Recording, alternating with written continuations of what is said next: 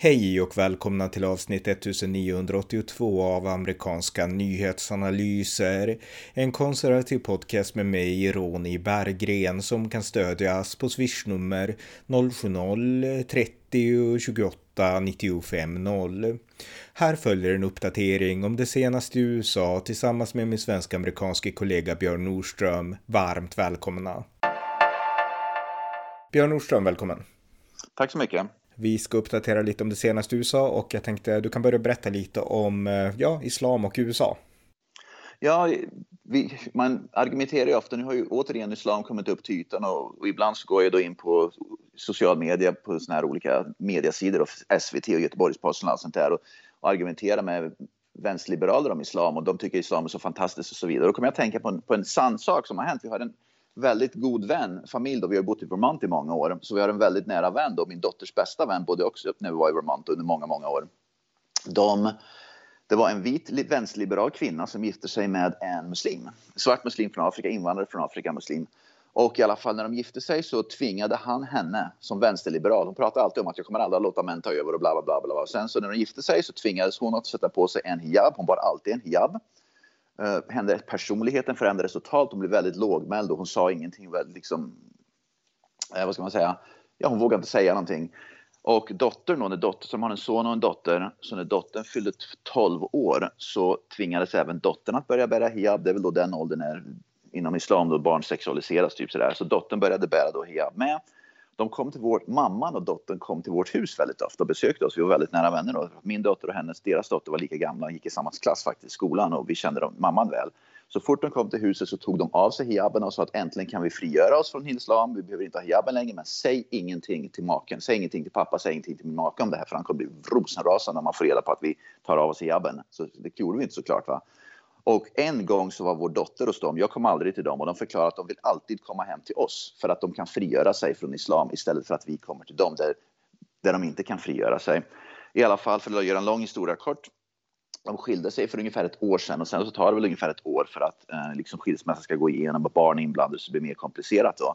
Men i alla fall, nu har både mamman och dottern kastat hijaberna totalt. Dottern vill inte ha någonting, så mamman fick dottern, då, ska man säga, vårdnaden om dottern på heltid och dottern vill inte ha någonting med pappan att göra för dottern vill inte veta om islam överhuvudtaget. Så att de har nu officiellt då citattecken frigjort sig från islam. Och de, var, de berättade att det var ett helvete. Ja, men jätteintressant. Jag menar, de här historierna, det är säkert inte lika vanligt i USA, men alltså i Sverige så kryllar det av de här historierna. Så jag känner människor, alla alltså i Sverige idag, så det här är ju vardag, vardag i Sverige det ja, berättar. Och det mm. här, men det här, precis, man läser ju om sånt där, men när svenska då, vänsterkvinnor går ut och gapar och skriker om islam och så fantastiskt ditten och datten. Va?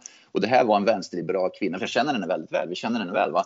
Hon var vänsterliberal och, och liksom att det, det, spelar ingen roll hur mycket du säger att islam hit och islam dit. Du blir totalt tyglad av islam, även om du vänsterliberal säger att ingen man kommer någonsin att bestämma över min kropp. Typ sådär. Men hamnar du i ett islamskt äktenskap, punkt slut, då blir du tyglad. Ja, jag visste det så. Det kom ju en bok på i slutet av 80-talet, Inte utan min dotter, det är en amerikansk bok ja. skriven av Betty Mashmouri. Och eh, den här boken handlar om en amerikanska, en amerikansk kvinna som gifter sig med en iranier. Och Jaha. i USA så är de helt, alltså han har det här yes. liksom utåt, han är en vanlig amerikan och han är, kommer från Mellanöstern och sådär. Men sen ja. när de gifter sig, då kommer det islamiska fram steg för steg.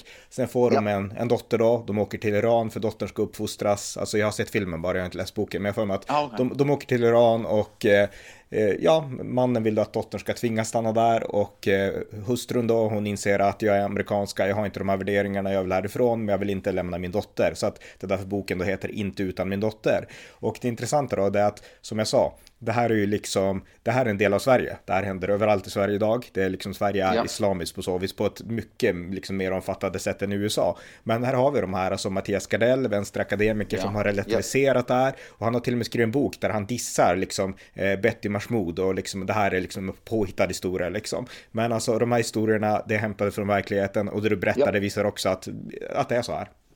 Jag och min dotter berättade att under fasta månaden Ramadan så fick inte dot deras dotter äta mat. Då. Hon var ju hungrig i skolan, hon mådde ju dåligt, hon var ju hungrig, hon spelade sport och, och idrott då, så hon kunde ju knappt delta. Så min dotter tog med mat från matsalen och så gick de, smugglade med sig mat i fickan och sen gav till deras dotter. Och sen så hade de uppgörelse skulle, så ingen skulle se dem. De sa att ingen får se, för om en lärare eller elev ser det så kanske de kommer att börja snacka om det. Då kommer ju pappa få reda på att de var tokig. Mm. Så att de, min dotter gick med hennes, deras dotter in på en toalett och gav henne lite mat så de kunde äta på toaletten i mm. hemlighet. Mm. Och då är frågan varför ska vi tolerera den här liksom religiösa fanatismen, alltså den, den här religiösa galenskapen? Vi tror inte så här. Alltså jag menar det finns ingen i väst, det spelar ingen roll om du är kristen eller om du är liksom ateist. Vi tror inte på de här idéerna om liksom tvångsfasta och liksom de här Precis. påbuden om hijab. Så varför ska vi tolerera det när vi tror att det bara är trams? För det är det vi tror. Alltså om vi är ärliga så tycker vi att det där är nonsens. Det är bara att vi vågar inte säga det eller så vill vi ändå vara toleranta för att det är en annan kultur liksom. Jag menar varför ska vi ta emot, okej okay, om det är en eller två eller tre personer personer, då spelar det ingen roll. Liksom, de kan tro på vad de vill. Men liksom, ja, eh, en hel rörelse. När det kommer en hel massrörelse så påverkar, ja. påverkar vårt samhälle med alltså, det vi betraktar som vidskepelse i princip.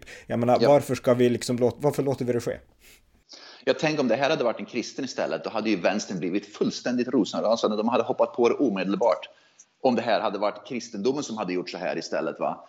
Och jag argumenterade igår med en vänsterkvinna då om islam och eh, liksom islams negativa påverkan på kvinnor antisemitismen och alla de här grejerna som vi ofta pratar om. Va? Och hon började snacka om, ja men titta på kristendomen, de hade ju David Koresh, han är ju mycket värre. Men det, här, det, det, går inte att argumentera med sådana, det, är sånt, det här är helt kört. Man har kört in, och jag såg ett väldigt, en väldigt, hörde en väldigt intressant intervju med Jessica Stegrud från SD på Riks för ett par dagar sedan. Och hon pratar just om, och hon pratar just om vänstern, inte islam, utan om vänstern framför, liksom specifikt. Och att vänstern, de har kört in i kaklet och de vägrar att ändra på sig. Och det tankar att de kommer inte att ändra på sig. Det spelar ingen roll hur världen ser ut. De kommer aldrig att ändra på sig. Det är totalt, liksom, det är mm. totalt kört alltså. Och ett, pra- och ett praktexempel på att det verkligen är så. Det är ju Mike Johnson, den nya speakern of the house. Ja, just det, Återigen, just det, just det. jag är en sån enorm yeah. fan. Men han har fått sån kritik nu för att han är kristen. Och liksom det är de här vänsterliberalerna på ABC och vart yeah. de än är som säger yeah. han är kristen, han är fundamentalist, han är liksom galen. Jag menar, Mike Johnson är en helt vanlig person. Alltså han är Precis. inte galen, han hatar absolut inte kvinnor, han kommer aldrig att tvinga. Vill hans dotter bli lesbisk, alltså han tror inte på gayäktenskap, men då kommer hon att få det. Han kommer att älska henne lika mycket i alla fall. Liksom. Ja. Så jag menar, men, det, det, det fattar de inte, de här vänstermänniskorna. Precis, alltså, och de det så, det, på... Bara för en sista sak, alltså, så här är det alltså Mike Johnson och sådana som han, jag menar jag känner många som, som är så, de är liksom, jag menar återigen, skulle deras dotter bli ateist, lesbisk, de skulle inte bry, eller de skulle bry sig, men de skulle älska dem lika mycket, de skulle behandla dem med respekt och sådär. Men frågan är, skulle en vänstermorsa, om hon får liksom en unge som blir väldigt höger och blir republikan, skulle hon älska den ungen lika mycket, behandla den lika, ja, kanske, men, men liksom, eh, i Mike Johnsons fall så är jag hundra på att han skulle göra det.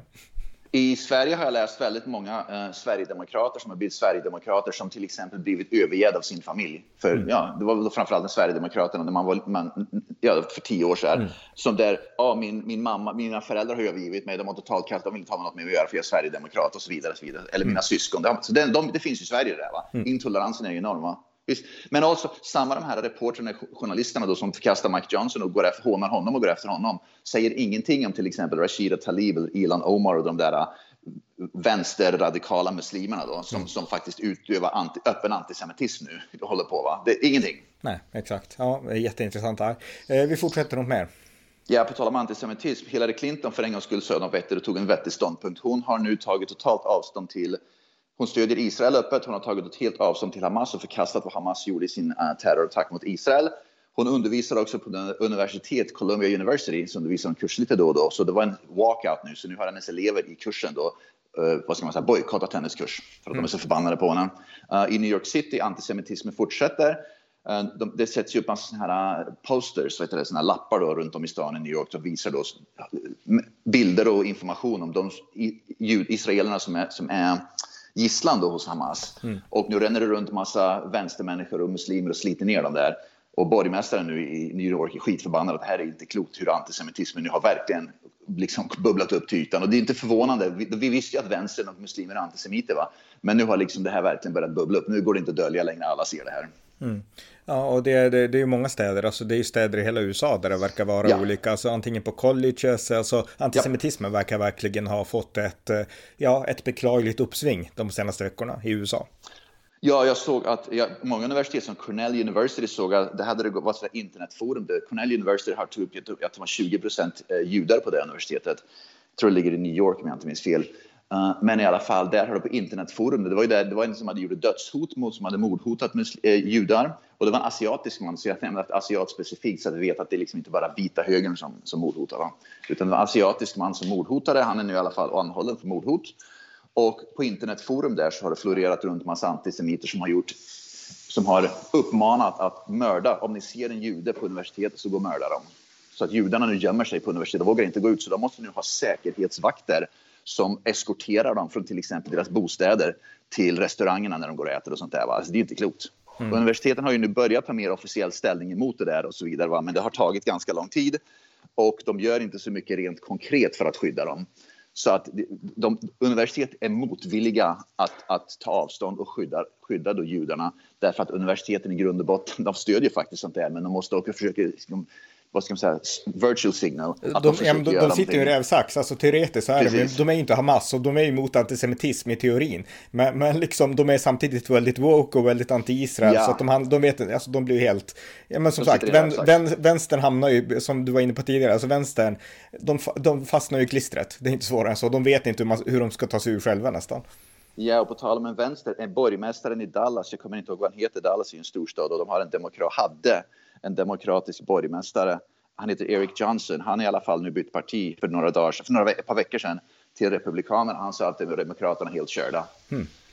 Så han har bytt parti, hoppade över till Republikanerna istället. Så Dallas hade en, valde fram en demokratisk borgmästare, men han sa att vi behöver republikaner som styr amerikanska städer nu. På tal om det, uh, flera stora amerikanska städer, New York City, uh, Los Angeles, Chicago, bland annat då som alla styrs av Demokraterna, går ut nu och, och bönar och ber till Joe Biden att skicka en massa pengar för att eh, den illegala invandringen eh, är så problematisk och, de, eh, och, och, kostar så mycket pengar. Så samma, samma människor som gjort sig själva, sina städer till sanctuary cities um, och sagt att det är så fantastiskt med den illegala migranterna som kommer kräver nu att Joe Biden ska ta skattepengar för att lösa problemet i deras städer där de har skapat. Därför att det är de som har skapat Sanctuary Cities och allt sånt där. Mm.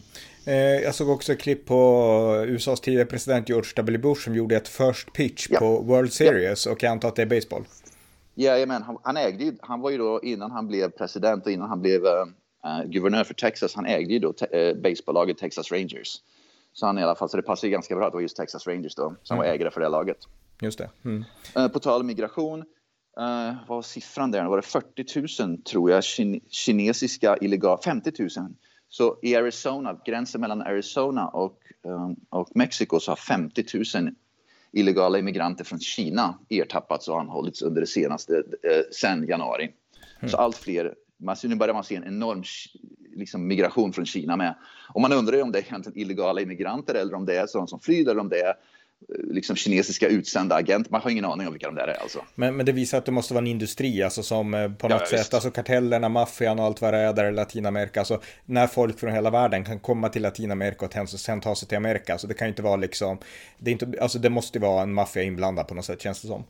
Ja, självklart. Vi pratar om kartellerna nu som de smugglar droger och vapen. Människosmuggling är en enormt stor verksamhet för de tjänar ju massor av pengar på det. Mm. Och på tal om det demokratiska partiet förresten, vi nämnde ju det här, men jag läste en artikel nyligen också att det blir allt mer öppet att demokratiska partiet inte kommer att kunna existera som det gör därför att splittringen mellan Israels, Israelsupportrarna och vad ska man säga, Palestina, den, den splittringen alltså inom partiet, den är verklig, den finns på riktigt och den, den kommer med stor sannolikhet, det är bara en tidsfråga att slita sönder demokratiska partiet totalt. Mm. Ja. Eh, ja, något mer? Ja. Um, ja, just det, det var um, återigen, det var en, en New York anhöll en antisemit som då, eh, han, han, han anhöll han som, han som jag berättade, han, det var en person i New York som klottrade på en synagoga, antis, antisemitiska budskap på en synagoga, men han i alla fall i New York, men han blev, blev i alla fall um, anhållen för hatbrott nu. Så att det är prat där. Det kommer ju ta ett, ett, år eller två för det där att gå igenom rättssystemet då, för det tar ju sin tid. Mm. Men polisen och myndigheterna kommer nu bli och, och, och eh, domstols, äh, domstolsväsendet kommer nu bli väldigt, väldigt äh, överbelastade med, med hat, antisemitiska hatbrott. Och det är, och det är faktiskt det, det är ett stort problem därför att de har, i till exempel New York och demokratiska städer och där, där våldsbrotten har ökat så mycket där, och där man dragit ner på polisen va, så kommer polisen att bli ännu mer överbelastad nu på grund av antisemitismen. Va? Och inte bara så att nu, liksom, nu kommer de som är våldsbrottslingar att strunta fullständigt i Hamas och, och Israel. Alltså där. De har en möjlighet att, att utöva sina våldsbrott hur de vill. Därför att eh, poliserna är, liksom, de, de är ju totalt överbelastade i, i typ New York, Chicago, Los Angeles och så vidare. Ja. Boston. En, en sak som vi har pratat om, eller du har pushat mycket, vi gjorde en podd om det, det är den här filmen Sound of Freedom som du såg, som du tyckte ja. var väldigt bra. Nu går ja. den till slut i Sverige. Den hade premiär Jaha. igår, den första november, och jag sitter och kollar nu på SF Bio här i min stad, och det står till och med ja. att ja, den går, och det är bra reklam på svenska. Lys lyssna på svenska. Årets mest omtalad film kommer äntligen till Sverige. Alltså det kunde man inte tänka sig för ett år sedan att de skulle skriva, men, men, men, så skriver de nu. Så att, eh, ja. du, ska gå, du ska gå och titta på den här va? Absolut, om, ja, okay. kanske inte idag, men om någon dag, absolut. Nej, nej, nej, men, ja. Mm det ska jag göra. Det ska jag göra. Mm. Ja. Ja, och på tal om uh, universitet och splittringen inom Demokraterna och Vänsterliberalerna. Ett över hundra professorer på Columbia, Columbia University, då vänsterliberalt uh, woke-universitet i uh, New York City. De skrev ett brev, ett officiellt brev där, där, där över hundra professorer, vad ska man säga, gav stöd till, uh, till vad ska man säga, Palestina, Hamas och emot Israel. Som svar till det så skrev över 200 professorer på samma universitet ett brev där de gav stöd till Israel. Så splittringen börjar nu bli enorm också inom woke-universiteten där det faktiskt finns sansade röster. Så att inte bara inom det demokratiska partiet ser vi en enorm splittring. Nu är liksom fakulteten på universitet splittrade också i den här frågan. Va? Så mm. det här, man undrar om det här också är slutet för woke-rörelsen. Att det här, det här liksom, de kommer inte kunna hantera den här enorma splittringen. Då. Antingen man för eller man är emot Israel och så vidare och antisemitism. Men men att det här är någonting som faktiskt kan förstöra, förhoppningsvis förstöra woke för evigt. Mm, ja, verkligen. Ja, men för att woke har kört liksom vänster, vänster, Liberalerna och, och Demokraterna då totalt in i väggen. Ja, ja verkligen. Ja, eh, ja har du mer? Uh, ja. Ja, just ja, McDonalds också. Jag, jag nämnde för förra podden tror jag det var att, att de klottrade på en Starbucks, eh, på en Starbucks då, anti-Israel, liksom antisemitiska budskap. Nu var det en McDonalds. Det var någon som släppte ut hundratals, uh, hundratals möss, liksom små råttermöss då, som de hade målat varje råtta, det tar ju tid sånt där, i palestinska färgerna och släppt ut dem i en McDonalds här i mm. USA. Mm. Så man, är, man är kreativ i alla fall för att, för att vidarebefordra sin, sin antisemitiska ståndpunkt. Ja. Eh, gällande Biden då, han är väldigt bra, alltså på så vis att han stöder Israel, vilket är glädjande i jämförelse med Barack Obama. Men han fick en fråga på en presskonferens av en, alltså en någon, alltså aktivist bara, som tyckte sluta liksom, varför stöder du kriget? Och då sa han att han ville nu se ett eldupphör för att kunna ge humanitärt stöd till Gaza. Och jag personligen tycker att det är fel väg att gå. Och det här är också en, eh, alltså det är inte en linje som Vita huset har drivit, därför att där har de sagt att det är Israel själv som kan avgöra det, vi lägger oss inte i. Så att här börjar Biden, men jag tror att det här var yeah. väldigt spontant, han kände sig pressad av den här aktivisten. Yeah. Men, men han tryckte ändå på att vi kanske behöver liksom ett, eh, en humanitär vapenvila som han sa.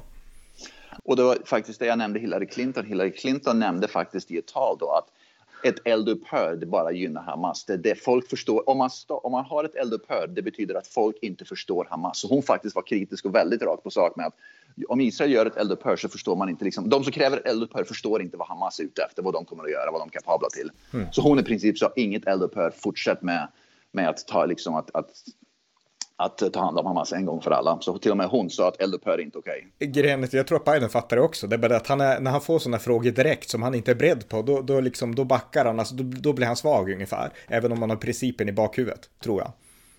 Ja, förmodligen, men han är ju vek och svag. Så att mm. Han gör nog rätt sak, men att i, i, i liksom stridens hetta så, tar han ju, liksom, så säger han ju fel saker mm. naturligtvis. Mm. Ja, eh, något mer? Ja, det, i Boston så finns det ett ställe som heter um, Methen, uh, vad heter det? Methane Mile. Met, met, vad heter det på svenska? Uh, Den här drogen. Ja, med, ja met, met, metamfetamin kanske. Typ, Metami, typ sådär, ja. Den mm. heter metamfetamin, metamfetamin Mile. Det är liksom en lång ett ställe i Boston då där det bor massa, liksom, tusen, hundratals, tusentals kanske hemlösa. Det är enormt mycket droger, enormt mycket kriminalitet och så vidare. och så vidare. Och det är liksom borgmästaren där som är demokrat har ju vänt ryggen där totalt. Men nu har det gått så långt i alla fall så att nu har borgmästaren bestämt sig för att polisen ska städa upp det där. Mm. Så att det, det, krävs liksom, man tillåter att, att ske och fort, fortgå, fortgå, fortgå tills det, till liksom samhället håller på att bryta ihop och då kommer de på att okej, okay, nu kanske det är dags att ta hand om det. Istället Men... för att förebygga det från början. Men det, men det är intressant, så att de här problemen finns också på östkusten. Det är liksom inte bara västkusten, de här städerna vi alltid pratar om, liksom San Francisco och så vidare, utan ja. det, finns, det finns i hela USA Boston. kanske det här problemet. Ja. Boston och New York, ja, mm. ja framförallt i demokratiska städer, inte i republikanska överhuvudtaget på samma sätt. Absolut inte. Okej, okay, just det. Ja, ja. något mer? Ett par grejer. I Las Vegas så var det en man, det finns en, eh, jag minns inte, det finns en senator från Nevada, Nevada som är, jag minns inte namnet på den, så jag tror en kvinna, men jag minns namnet i alla fall, som är senator i, i Nevada. Och en, en person, en man som hade, han har arresterats nu i alla fall, han har i alla fall lämnat en massa. Den, hon, eh, den senatorn tog i alla fall stöd för Israel i konflikten och hon fick en massa mordhot på telefonen i alla fall riktade mot sig. Så i alla fall personen som riktade mordhoten är i alla fall arresterad nu för mordhot mot en senator. Hmm. Och det är ju bra. Um, Joe Biden, här i USA, om du minns det här, um, det som skedde med det här sjukhuset som då först media skrev om uh, bombades då av Israel, men det visade sig vara en, en raket från Hamas som sköt ner sitt eget hus, hus, uh, sjukhus. Mm. Joe Biden i alla fall, han kallade in New York Times. New York Times hoppade ju på det där narrativet direkt att det måste vara Israel.